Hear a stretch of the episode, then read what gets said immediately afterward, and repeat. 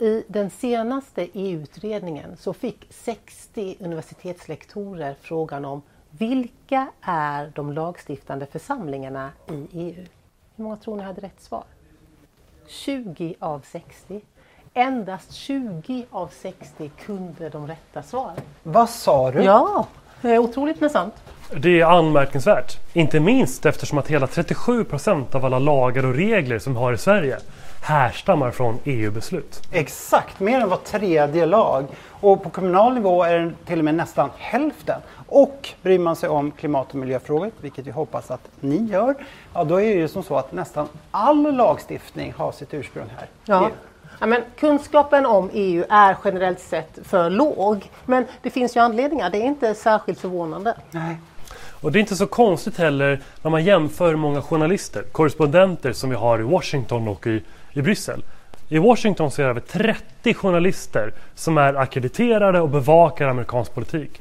Här i Bryssel är det bara 10. Mm. Exakt, och det är såklart att det bidrar både då till en lägre kunskapsnivå och antagligen också till ett lägre engagemang. Mm. Men det här är ju i grunden ett demokratiproblem. Därför att om man inte har kunskap om var makten ligger och hur makten fungerar så kanske man inte heller tar chansen att påverka vilka beslut som fattas. Nej. Och det senaste valresultatet eh, 2019, alltså resultatet av hur många röstberättigade som faktiskt tog den här chansen, är ju ett tydligt tecken på det här. Endast 55,27 procent eh, i Sverige röstade och det är i svenska mått mätt ett lågt eh, valdeltagande. Mm. Och enligt undersökningar så är det enskilt största skälet för att människor inte röstar i Europaparlamentsvalet, det är att man har för lite kunskap om EU. Och det var ju därför som vi för lite drygt ett år sedan nu startade 2022. För att få upp kunskapen och engagemanget. Så vad är EU? Vad är egentligen den Europeiska unionen? EU började ju ursprungligen som ett fredsprojekt där Europas länder sargade efter två världskrig behövde komma samman och samarbeta istället för att kriga. Men samtidigt behövde man också förhålla sig till det faktum att det var ny, två nya supermakter, USA och Sovjetunionen, som man behövde eh, i samarbeta för att eh, ta itu med. Exakt, och då var det ju supersmart att bygga en handelsunion, stärka handeln mellan länderna. Det är ett jättebra sätt att undvika att man bråkar och slåss med varandra. Men det har ju hänt jättemycket på de här 71 åren som har gått nu, som vi firar på söndag. Mm, det har hänt en hel del. Det är ju faktiskt så att det är ju inte kol och stålsamarbete som är det huvudsakliga syftet med EU idag. Men handel spelar fortfarande en stor roll och vi kommer till det alldeles strax. Men vän av ordning undrar nu kanske, Miljöpartiet, ni är ju för decentralisering och har makten så nära människan som möjligt. Varför omfamnar ni det här mastodontprojektet EU egentligen? Ja, och Miljöpartiet, de gröna, var ju otroligt EU-skeptiska en gång i tiden just av de här anledningarna. För min egen del när det var val 1994, även om jag då inte var med i Miljöpartiet i och för sig, men det var ändå självklart för mig att rösta nej. För jag tyckte... Jag röstade ja. Jag hade röstat nej om jag hade fått tio år gammal.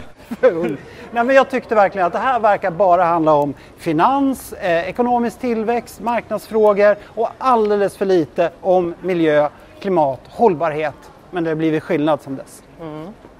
Miljöpartiets starka EU-engagemang och mitt, det kommer ju från att vi är helt övertygade om att de enorma utmaningar vi står inför, som klimatkrisen, som nedmonteringen av demokrati i vissa delar av världen, som eh, migrationen, det är frågor, utmaningar som vi löser bäst tillsammans. Mycket bättre tillsammans istället för att varje land ska harva för sig själv.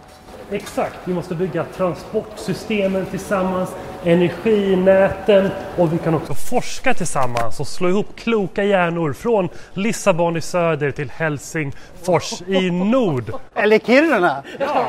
EU är stort. Och det som vi också kämpar för, vi gröna, och som vi alltid har trott på i Miljöpartiet, det är ju öppna gränser. Mm. Och tack vare det så kan vi EU-medborgare resa mellan länderna, vi kan arbeta i olika länder, vi kan studera i olika länder. Det är fantastiskt! Ja. Och tillsammans är vi faktiskt världens starkaste ekonomi, vilket gör att vi kan ställa krav på omvärlden när vi ska handla, att utnyttja vår mjuka makt för att göra världen grönare av handelsavtal vi komma och handelsavtal vi bli. Eller? ja, inte riktigt, men handel Det var så det lät på 90-talet. Mm. Men handeln spelar fortfarande en stor roll. Det är precis som du säger, genom handeln vi kan sätta press på resten av världen. Mm. Att respektera mänskliga rättigheter, att höja sina klimatambitioner, eller hur? Jajamän, och allt det här det kommer vi fortsätta att folkbilda om, informera om, för det är viktigt att kunskapen och därmed också engagemanget finns hemma i Sverige, ute i stugorna.